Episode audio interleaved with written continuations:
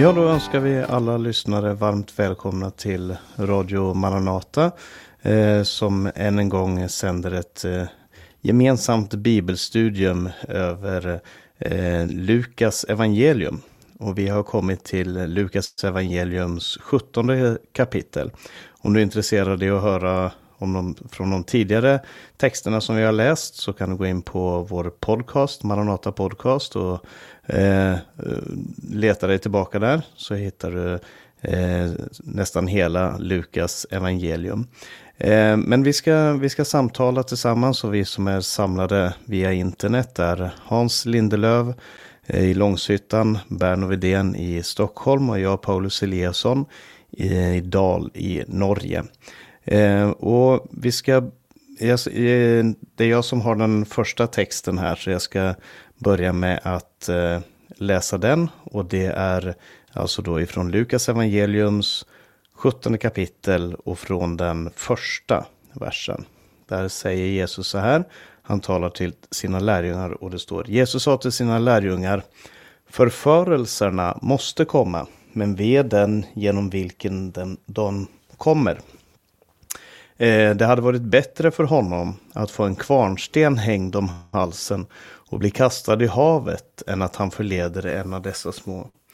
Var på er vakt, om din broder syndar så tillrättavisa honom och om han ångrar sig så förlåt honom.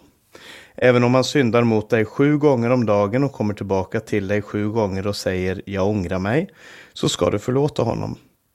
Då sa apostlarna till Herren, ge oss mer tro. Och Herren svarade, om ni har tro, bara som ett senapskorn, ska ni kunna säga till det här mullbärsträdet, ryck upp dig med rötterna och plantera dig i havet, och det skulle lyda er. Om någon av er har en tjänare som plöjer eller vallar får, säger han då när tjänaren kommer hem från marken, kom nu och sätt dig till bords. Säger han inte snarare, laga något till kvällsmat åt mig och fästa upp mina kläder och passa upp mig medan jag äter och dricker. Sedan kan du själv äta och dricka. Inte tackar han tjänaren för att han gjorde det han fick i uppdrag. På samma sätt ska också ni säga när ni har gjort allt som ni har fått i uppdrag. Vi är odugliga tjänare, vi har bara gjort vår plikt. Och eh, I den här texten så eh, så säger Jesus lite olika saker som verkar som att de inte riktigt hänger ihop. Först talar han om förförelser. Sen talar han om synd och förlåtelse. Sen talar han om tro som ett svar på apostlarnas eh, fråga. Ge oss mer tro. Varför frågade de om det? Och eh, till slut så, så talar han om odugliga eller eh, tjänare som inte längre har något uppdrag. Vi ska ta det här eh, vers för vers och så ska vi se om det faktiskt inte hänger ihop ganska, eh, ganska så bra eh, i det som talas om här. Och det första Jesus säger i texten, det handlar om förförelserna och de som förför, de som förförelserna kommer igenom. Och förförelse, det är sånt som leder en människa till fall. Eh, saker och ting som leder människor bort ifrån eh, Gud och som leder dem till att förlora sitt förhållande till Gud. Eh, ursäkta mig. Eh, och eh, Jesus ut, uttalar ett verop över dem som eh, kommer med förförelserna. Veden genom vilken eh, de kommer. Och verop det är Jesus starkaste uttryck. Det är de eh, gånger som Jesus uttalar sig som absolut strängast om en situation, om en person, om händelser, eh, om teologi, om lära och så vidare.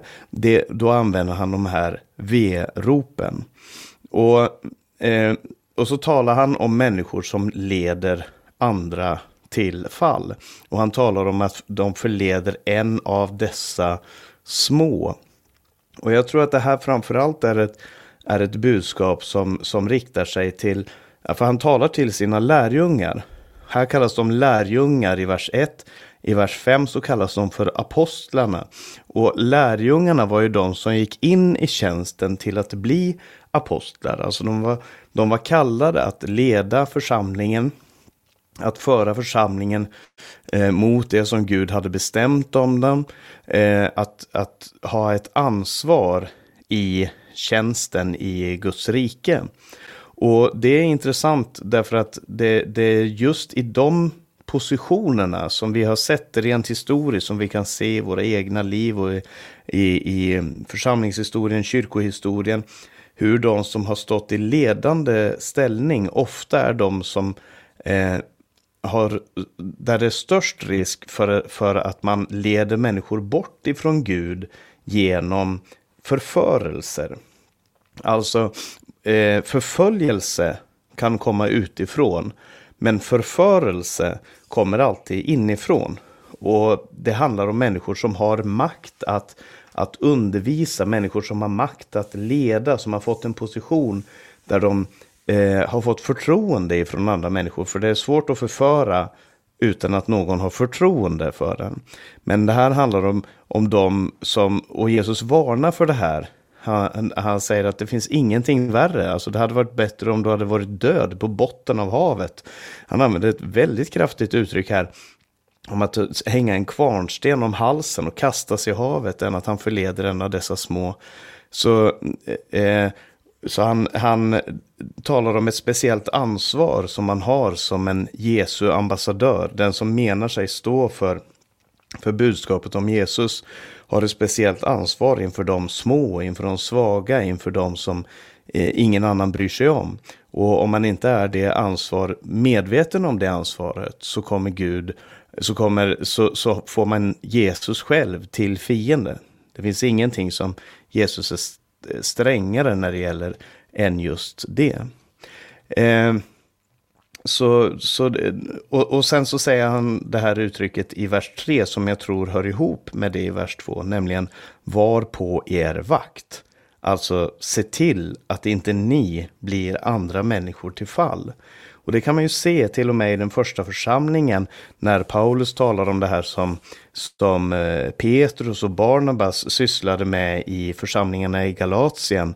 Där det står att, att aposteln Paulus gick, gick till öppet angrepp mot dem.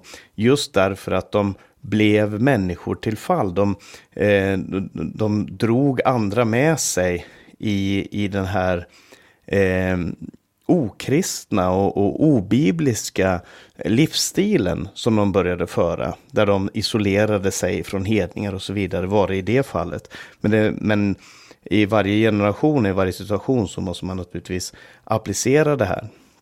Eh, och sen så säger han så här, om din broder syndar så tillrättavisa honom och om han ångrar sig så förlåt honom. Eh, och, och det är ju intressant för att vad har det med det som är innan att göra? Jo, jag tror att det handlar både om de som förför, som är uppenbart syndar, och de som blir förförda till synd. Alltså människor som, dels de som, eh, som gör fel genom att de eh, förför andra människor, leder andra människor bort ifrån Gud. Men också eh, framförallt de människor som förleds till att eh, komma bort ifrån Gud. Och Jesus uppvisar här en, det som verkar som en så stark kontrast mot det han sa innan. Här, innan talade han om en kvarnsten hängd om halsen. Men här börjar han tala om att tillrättavisa honom och om han ångrar sig så förlåt honom.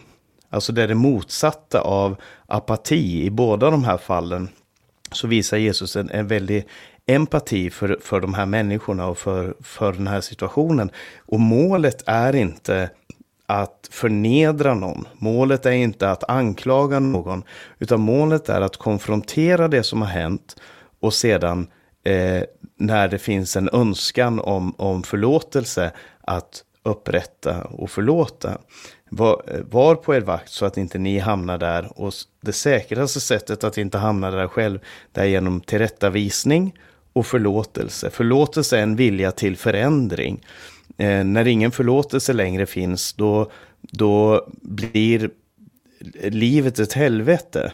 Därför att man kan inte förändra någonting. Man är fast i en situation där som man inte kommer ut ur. Och helvetet är ju verkligen en plats där synden är permanent och där man inte kommer ut ur den här situationen. Eh, och det är det väldigt många människor som manifesterar i sina egna liv genom att inte tillrättavisa och förlåta och inte söka förlåtelse och inte söka omvändelse.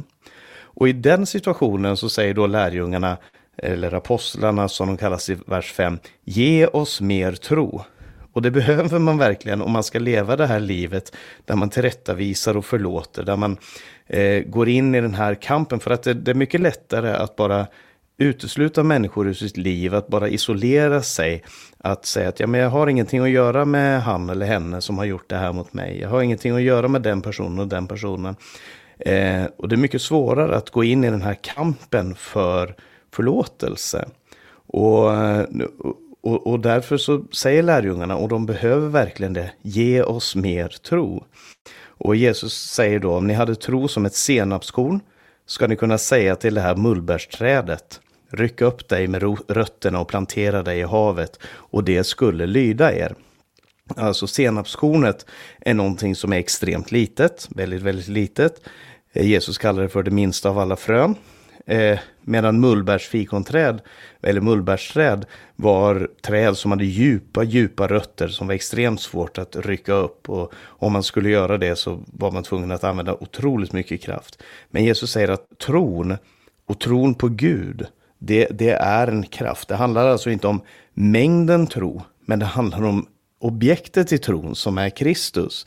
Och det är att faktiskt använda sin tro. Alltså att säga till trädet i tro, ryck dig upp och kasta dig i havet. Eh, och, och, och, det skulle lyda er. Alltså det, eh, den här tjänsten som, som Guds folk har fått, det är en tjänst som måste utföras i tro. Och det handlar inte om mängden tro, men det handlar om att faktiskt göra det i tro. Att förlåta i tro, att tillrättavisa i tro, att eh, söka försoning i tro. Och sen eh, fortsätter Jesus här och så säger han om någon av er har en tjänare som plöjer eller vallar får. Och, och här beskriver han då eh, lärjungarnas eh, idealattityd. Hur lärjungarna, vilken attityd som, som lärjungarna ska ha till, eh, till sin tjänst inför Gud, till sin tjänst inför Jesus. Och, och säger att det, den tjänsten som de har, det är att vara tjänare. Och en tjänare, han har plikter att utföra. Och när han inte längre har någon plikt att utföra så ska inte han få applåd. Utan då ska han säga, ja, vi är odugliga tjänare. Eh, jag gillar egentligen bättre det som står i Folkbibeln 98 som jag tror kanske fångar eh, eh, idén bättre där, han säger, där de säger så här, nu är vi tjänare utan uppgifter. Vi har bara gjort det vi var skyldiga att göra. Alltså det, det livet som vi har, från ett perspektiv så, så handlar det om att utföra en, en tjänst. Och den tjänsten, den, den, eh, eh, den, den är inte vi som, som är herrar över, utan det är han som är herre över den. Och det är han som bestämmer vad som är tjänsten. Och vi har en, en eh, vi tjänar inte för att vi ska få lön. Och det låter kanske märkligt för att många gånger i Bibeln så talas det om lönen, men vi tjänar därför att Gud är Gud, därför att Jesus är vår Herre. Och därför att Gud är Gud så är det därför vi kommer få vår lön. Eh, och, och, så Man tjänar inte för lönen, eh, man tjänar därför att man har det här förhållandet till sin Herre. Och det livet som vi lever det i, i tillrättavisning, i förlåtelse och så vidare. Det är en plikt vi har att göra som inte ska leda oss till ära, men som ska leda Gud till ära. När vi ser det i, i ljuset av eh, Golgata kors. Jag tycker den här texten är helt fantastisk. Än en gång så, så när man ser hur, hur de här olika sammanhangen eh, hänger ihop. Och, och, i centrum så ligger den här bönen som jag tror behöver bli vår bön också. Ge oss mer tro.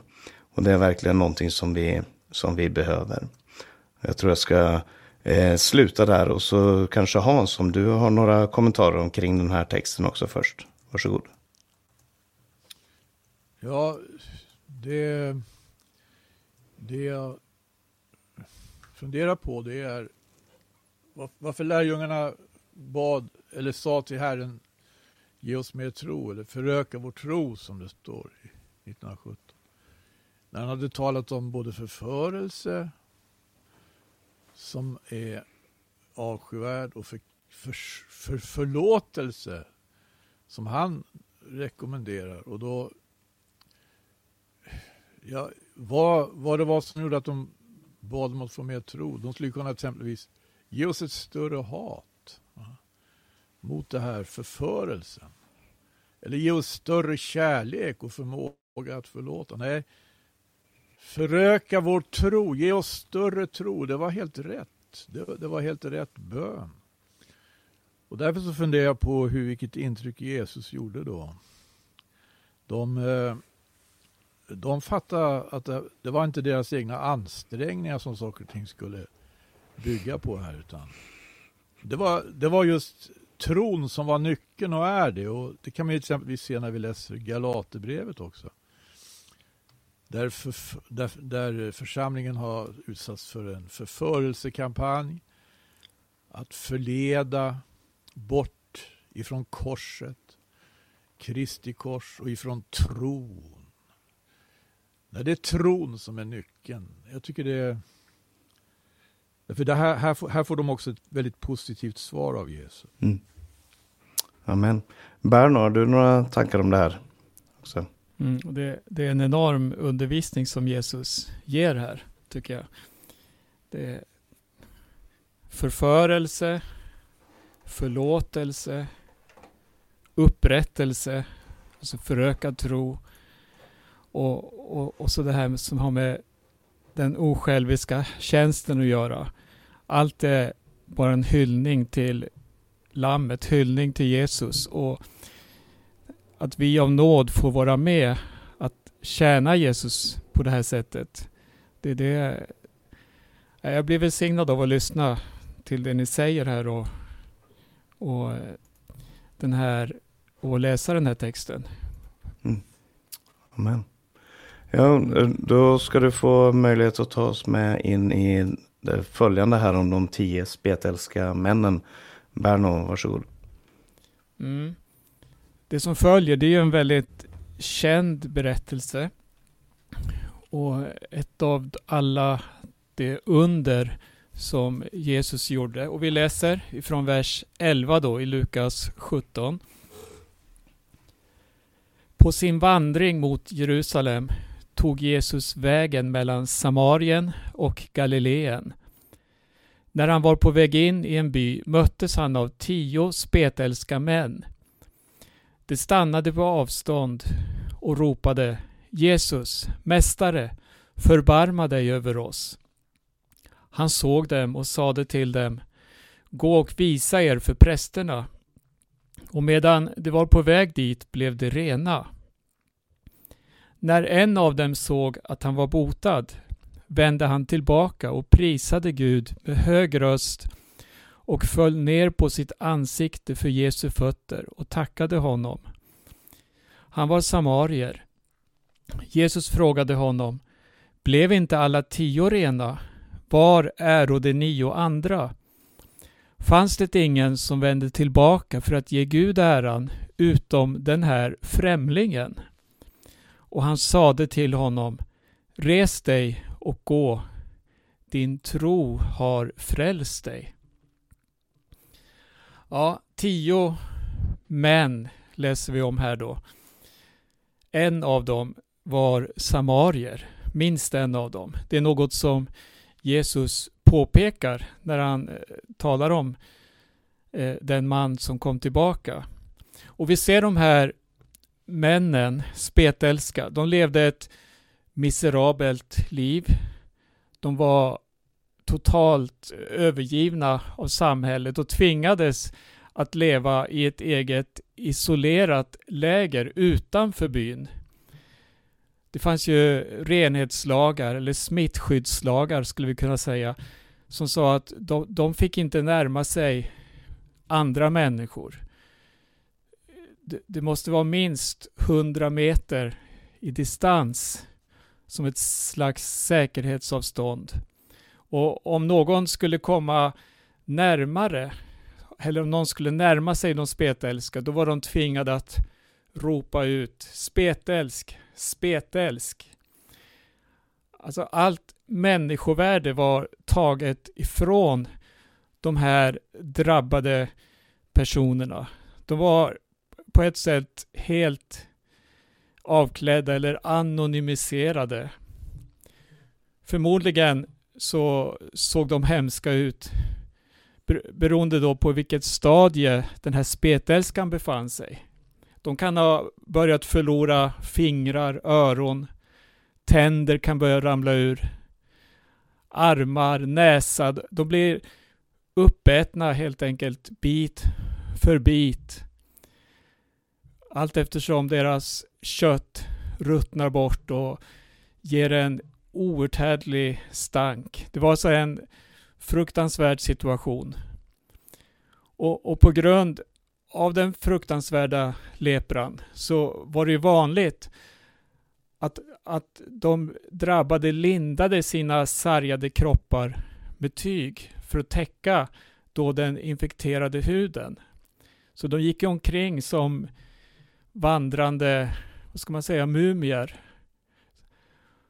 Och jag vill säga ännu något mer här om just vilken situation de befann sig i. De kom ju från ett sammanhang. De hade minnen av nära och kära som de visste att de aldrig mer skulle få träffa. Från den stunden då prästen deklarerade att nu är ni spetälska. Då visste de, de fick inte träffa sin hustru, möta leenden, barn, familjer förlorade försörjare, arbeten, hus. Ja, det var väldigt många konsekvenser man kan läsa in i den här bilden när man ser tio spetälska män. De var drabbade. Och när vi läser Bibeln eh, och då den talar om spetälska så är det eh, de flesta gånger en bild på synden. Alltså människan som lever i skam. Hon är försvagad och förbrukad av syndens fruktansvärda effekter. Eller som det står så här, vi var döda i synder och överträdelser. Vi ser människan utan Gud.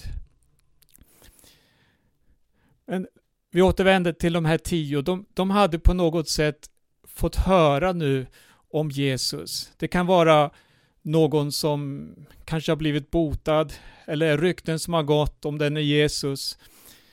Och nu visste de att han fanns i närheten och de vågade närma sig Jesus. Det var ett stort steg. De kunde ha blivit stenade bara för det tilltaget. Att, att påkalla uppmärksamheten på det sättet. Och då de ropar om förbarmande och då hör, då hör vi Jesus och det enda han säger till dem det är det här Gå och visa er för prästerna. Och vad skulle prästen tänka? Det var ju han som hade förklarat dem för orena. Det var ju prästen som hade skickat iväg dem bort från sina nära och kära till ett liv i isolering. Och nu säger Jesus att de ska gå tillbaka till prästen. På, på ett sätt, om man, om man ska tala i liknelser, vi närmar oss Gud och inser att vi är orena syndare. I mötet med Gud, då, då kommer ju den här syndamedvetenheten fram. Vi är fördömda, förlorade, utan hopp. Och vi står inför en Gud som är helig och rättfärdig. Med en lag som fördömer oss. Eller som det står, alla har syndat och är i avsaknad av härligheten från Gud. Men de här tio, de hade nu fått möta Jesus. Och han sa, gå och visa er för prästerna. Och de började gå. De började gå ut ur fördömelsens skuggor. De trodde på det Jesus sa. Det var, det var deras enda hopp. De trodde på undret. Trots att de nu fortfarande var sjuka. Så de hade valet i sina händer. De närmade sig prästerna det heliga trots risken då att bli stena så som den eh, mosaiska lagen säger. Men de gick i tro på Jesu ord och löfte och då inträffade det här undret att de blev fullständigt rena. Eh, den här texten, den, den säger på ett sätt hur lagen uppenbarar synden för oss och dömer oss. Men Jesus, han ger barmhärtighet och befriar. Eller som det står i Jesaja eh, 53. Det var våra sjukdomar han bar. Våra smärtor tog han på sig. De fick den här befallningen av Jesus. Gå och visa er för prästerna. De trodde på det och tron, det är en gåva som blir verksam då i det osynliga. Och för Bibeln har flera berättelser om liknande händelser där ordet går ut och så besluta, beslutet då överlämnas till den som har drabbats. Just det här, tro på ordet. Ta ett första steg. Gud, han gör undret.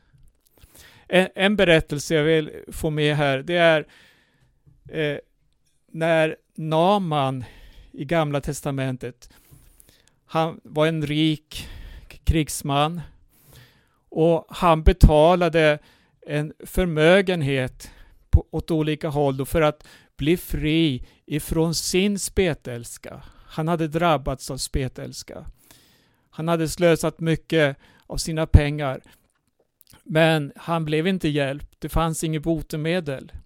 Men då hade han ett litet barn, en slavflicka som fanns i hans hushåll, som berättade om en profet. Och min herre ändå hade varit hos profeten. Och det här ledde till att, att han tog med sig silver, guld, dyrbara klädnader och åkte till Israels kung och berättade sitt ärende. Jag vill bli fri från min spetälska. Kungen å sin sida, han rev ju sönder sina kläder och sa, är jag då Gud? Elisa fick höra om det här och han sa till kungen, sänd honom till mig. Eller han skickade bud till kungen. Och Naman fick komma fram då till profeten som inte ens tog emot honom utan skickade honom till floden Jordan. Naman han blev förödmjukad och tyckte att de hade ju mycket bättre floder där han kom ifrån. Varför skulle han gå ner och doppa sig i floden Jordan sju gånger som profeten hade sagt? Men han kom till besinning. Han lyssnade på sin egen tjänare och han steg ner i vattnet, doppade sig sju gånger och blev frisk. Han handlade på det här ordet som hade gått ut, precis som de här tio gjorde. De handlade på ordet som Jesus hade sagt. Han blev frisk, han blev fri och Elisa han eh, sände då tillbaka Naman till sitt land. Han ville inte ta emot någon betalning trots erbjudanden om både guld, silver och fina klädnader. Men så hade Elisa en tjänare som visade sig vara girig. Han ville ha det här som Naman hade med sig. Och han sprang efter Naman och bad om silver och dräkter med en lögn. Och det här slutade i en tragik. Han trånade efter rikedomen men drabbades istället av spetälska.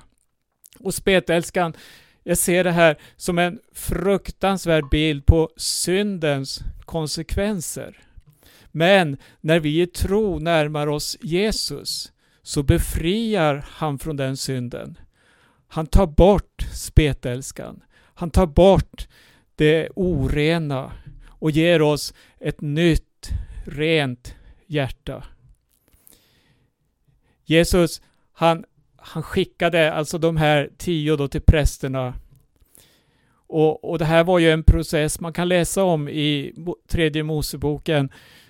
Hur det var en lång process som kunde pågå ja, mer än två veckor innan de kunde deklareras rena. Det fanns no, mycket noggranna renhetslagar. Men så, så läser vi om den ene här, Samarien. Han, står det, sökte upp den som genom sitt ord hade helat honom. Och Jesus frågade, bara du, var är de andra någonstans?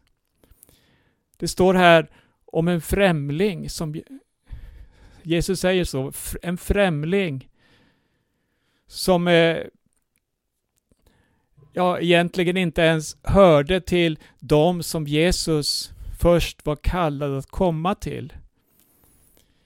Och det här möter vi också gång på gång i Nya Testamentet och inte minst i Jesu undervisning, hur han lyfter fram främlingen. Han lyfter fram hedningen och sätter dem som exempel ibland.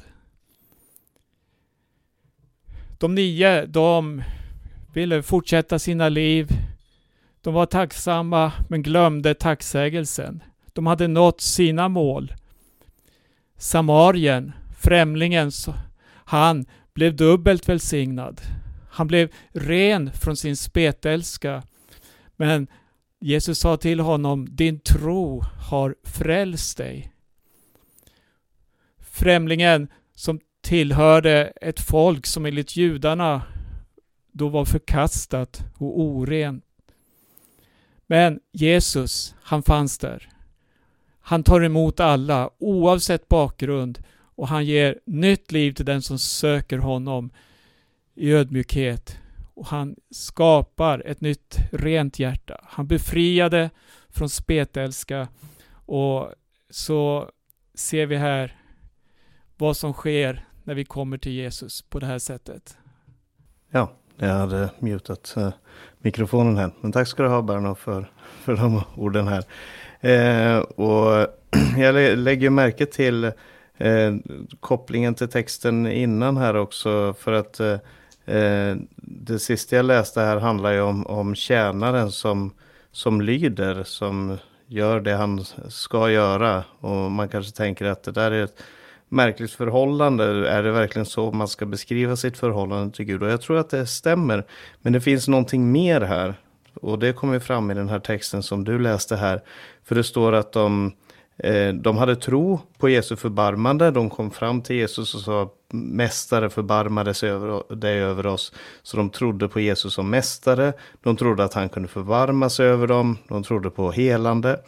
Eh, och de hade också lydnad, för när Jesus sa gå och visa er för prästen så gick de.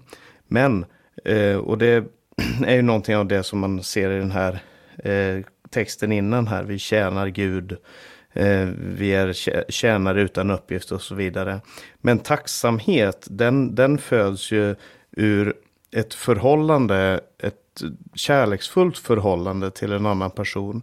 Och de här människorna de, de hade tro, de hade lydnad, men de hade inte den här kärleken till Jesus. Eller rättare sagt bara en av dem hade, hade det.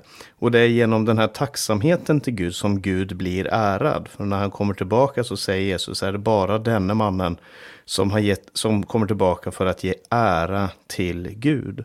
Och målet är egentligen inte lydnad. Målet är inte tro, utan målet är Guds ära och vår glädje i Guds ära. Och det tycker jag är intressant i, i den här texten. Eh, Hans, du ska få ta med oss in i den sista delen här i texten, men du kanske har några tankar omkring det som Berno har läst här också. Varsågod. Nej, Nej jag tror att det har varit uttömmande. Jag tycker det var väldigt ja, fint. Men då får du gärna läsa den, den eh, sista delen här med oss och dela dina tankar omkring det. Då ska jag göra det. Och då är det från vers 20 här då. I kapitel 17 i Lukas. Och då han blev tillfrågad av fariseerna när Guds rike skulle komma svarade han dem och sa Guds rike kommer icke på sådant sätt att det kan förnimmas med ögonen. Ej heller ska man kunna säga se här är det eller där är det. Ty se, Guds rike är invärtes i er.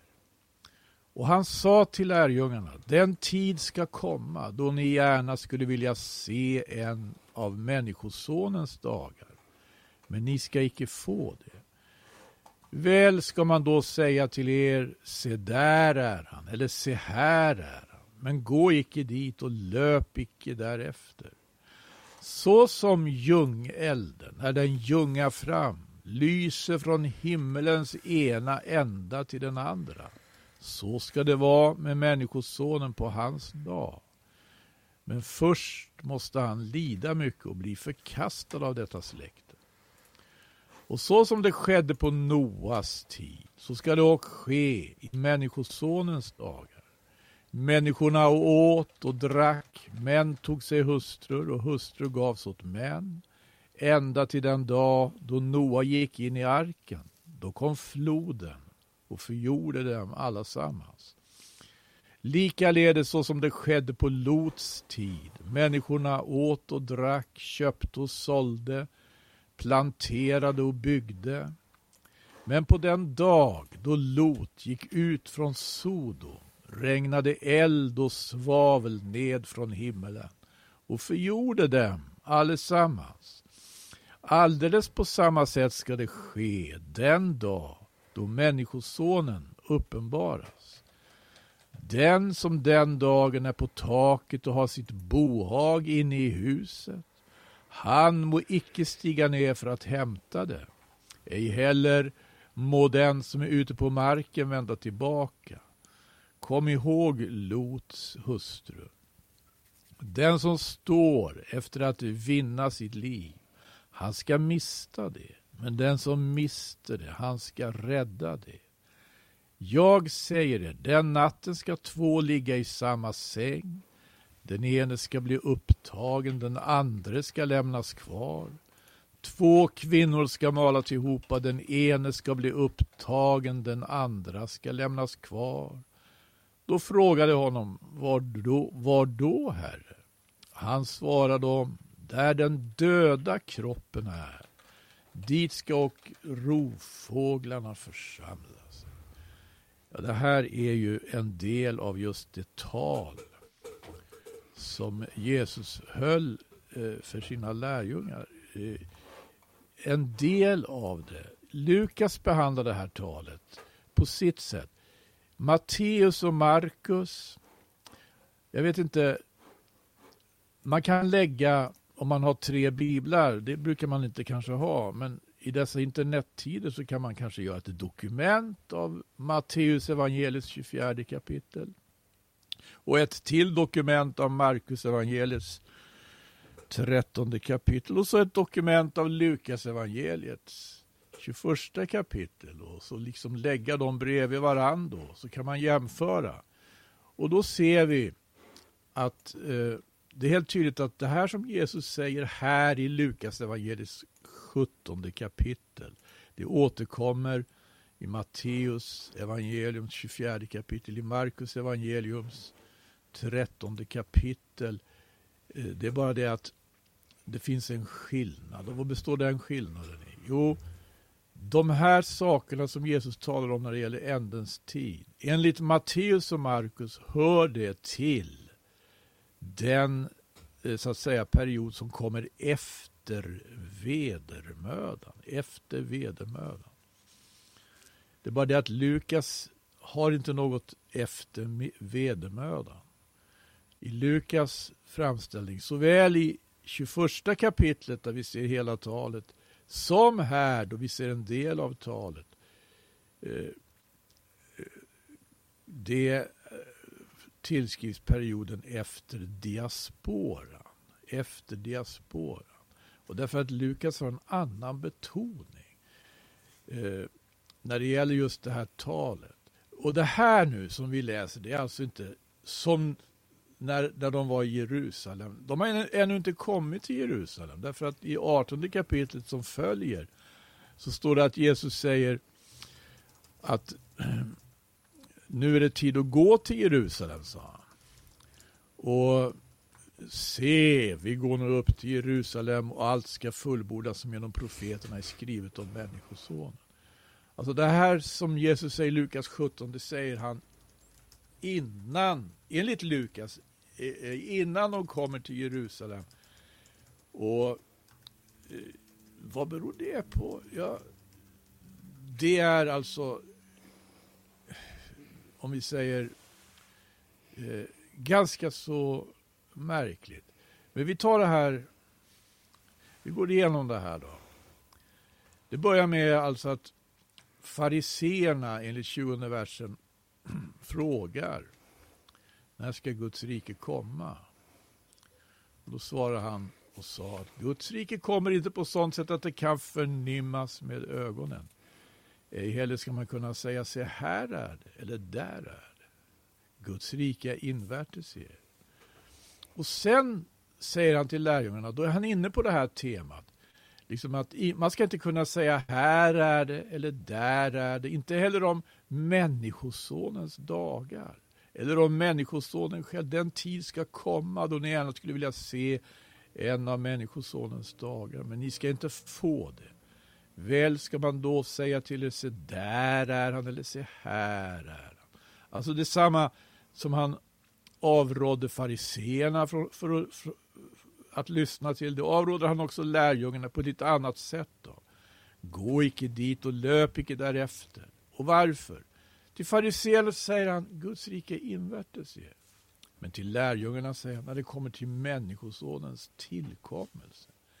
Så som ljungelden när den ljungar fram lyser från himmelens ena ända till den andra, så ska det vara med Människosonen på hans dag.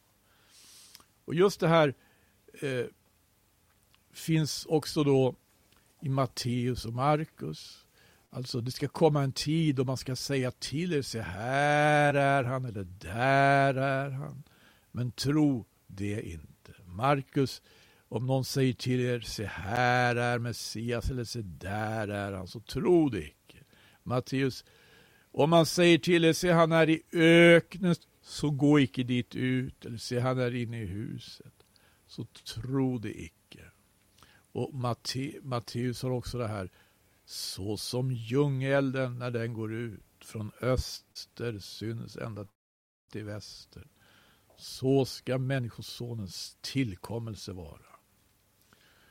Och som sagt, det här återfinns i Matteus evangeliets 24 kapitel, vers 27, alltså sent i talet som Jesus enligt Matteus höll på Oljeberget. Jag måste också få göra den anmärkningen att när man jämför Matteus evangeliets 24 kapitel med Markus evangeliets 13 kapitel och Lukas evangeliets 21 kapitel så är det så att i Matte, enligt Matteus och Markus talar Jesus på Oljeberget med sina lärjungar. Enligt Lukas talar han med dem i helgedom eller på helgedomens område. Och betoningen i Lukas är ju annorlunda. Och 17 kapitlet var vi i. 17 kapitlet är alltså långt tidigare. Enligt Lukas så hade han alltså något att säga eh, långt innan de, i alla fall innan de ens hade kommit på att de skulle bege sig till, till Jerusalem, innan han hade sagt till dem att nu ska vi gå till Jerusalem. Men först måste han lida mycket och bli förkastad av detta släkte. Lukas 17 nu då.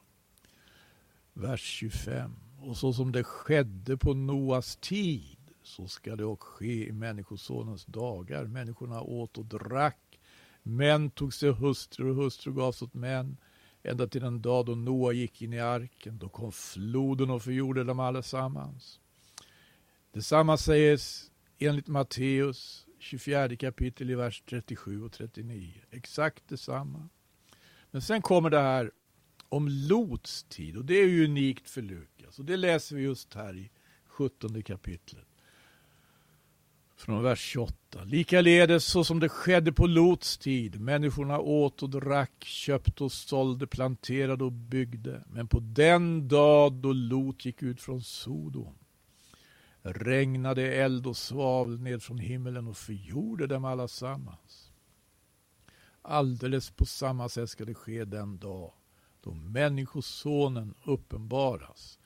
Den som den dagen är på taket och har sitt bohag inne i huset, han må inte stiga ner för att hämta det, ej heller må den som är ute på marken vända tillbaka.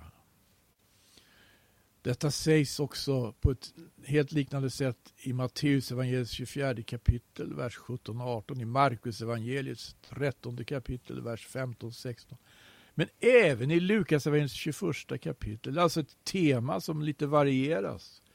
I Lukas evangeliets 21 kapitel, då vi är inte efter vedermödan utan efter diaspora. Det som är inne i staden må dra ut därifrån och det som är ute på landsbygden må icke gå dit in.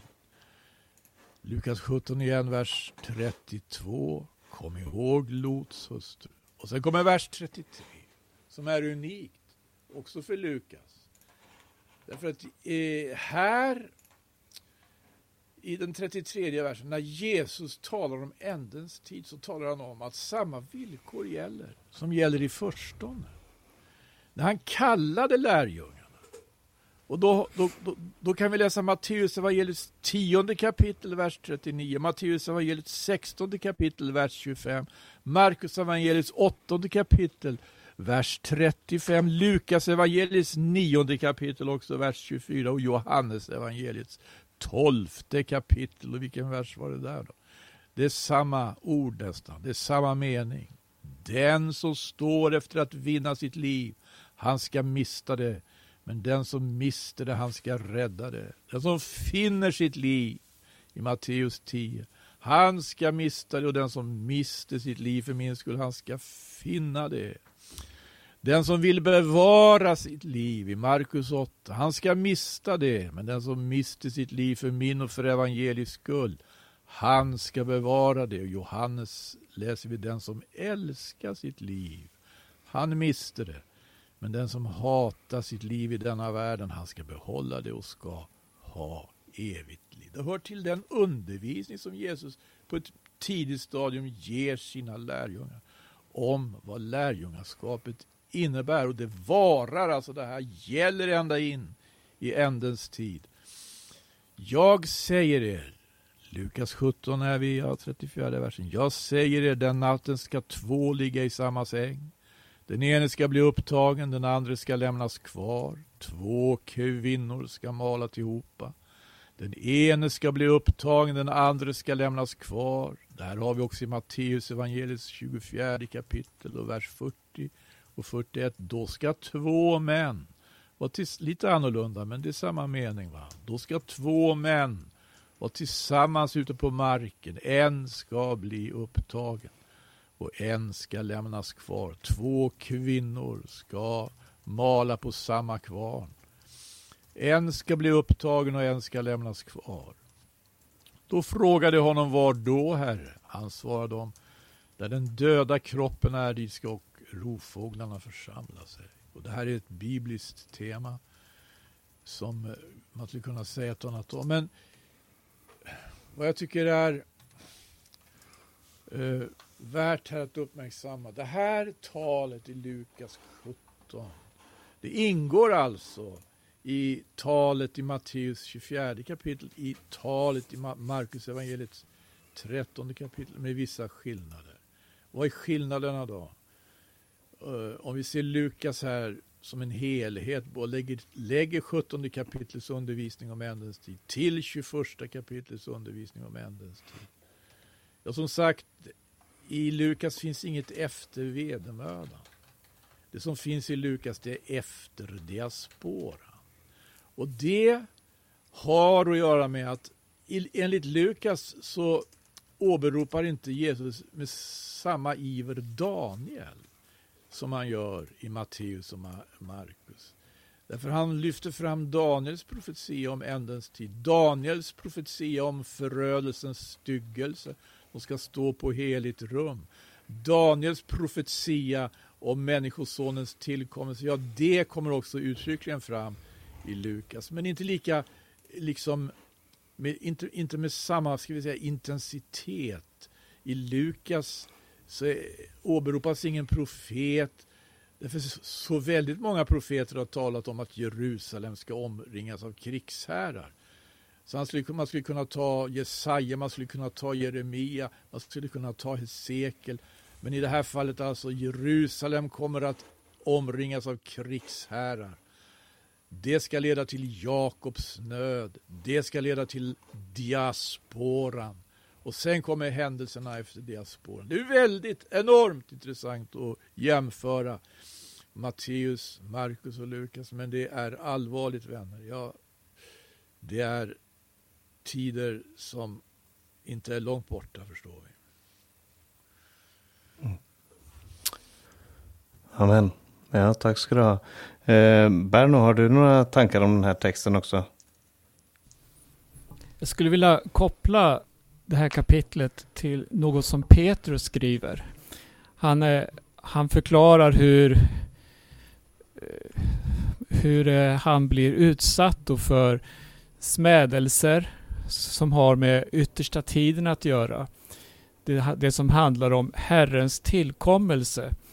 Och människor som säger då att allt är sig likt, inget nytt. Och hur går det med löftet om hans tillkommelse? Men då påminner Petrus om att Herren är långmodig. Han vill inte att någon ska gå förlorad.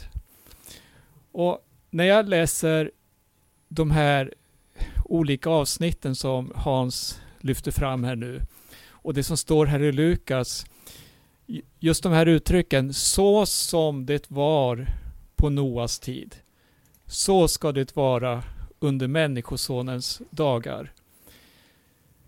Och på samma sätt som det var på Lots tid.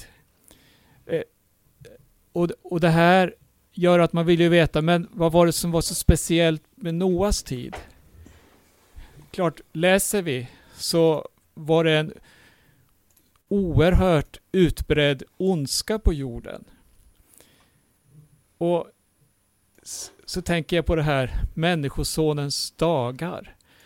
Alltså tiden inför Jesu tillkommelse. Och så börjar jag se på våra egna dagar. Vad är det som sker på vår jord? Vad är det som breder ut sig? Inte nu bara på de här regionala platserna där Noa var verksam, där Lot bodde, utan vi möter det här globala som har sitt grepp över alla jordens invånare. Där stötestenen är namnet Jesus. Och det här möter vi påtagligt i allt fler länder.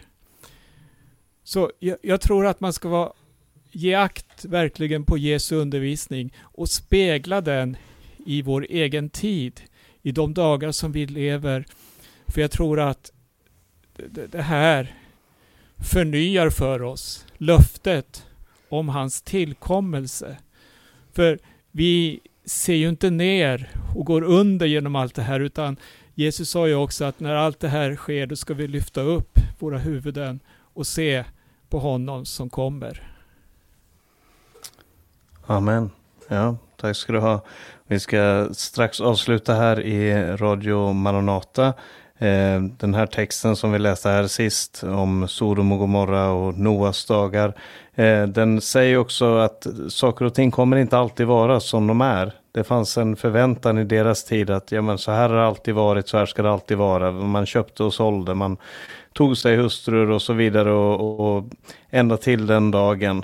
Och det, det finns en, en, eh, en profetisk vision där om att saker och ting inte alltid kommer vara som de är idag. Det fick eh, judarna uppleva när Jerusalem förstördes. Det, och det tror vi att det finns ett, ett hopp om att, att Gud ska bryta in i historien ännu en gång. Och det är det vi eh, det vi hoppas på, det vi eh, ber om när vi ber Maranata, kom Herre Jesus. Och du har lyssnat till ett program här ifrån Radio Maranata och vi som har samtalat är eh, Berno Widén som hörde här sist, Hans Lindelöv och jag Paulus Eliasson. Och vi önskar er Guds rika välsignelse. Vi kommer fortsätta att läsa ifrån Lukas evangelium om Herren vill och vi får leva. Eh, och så hörs vi igen. Gud välsignar.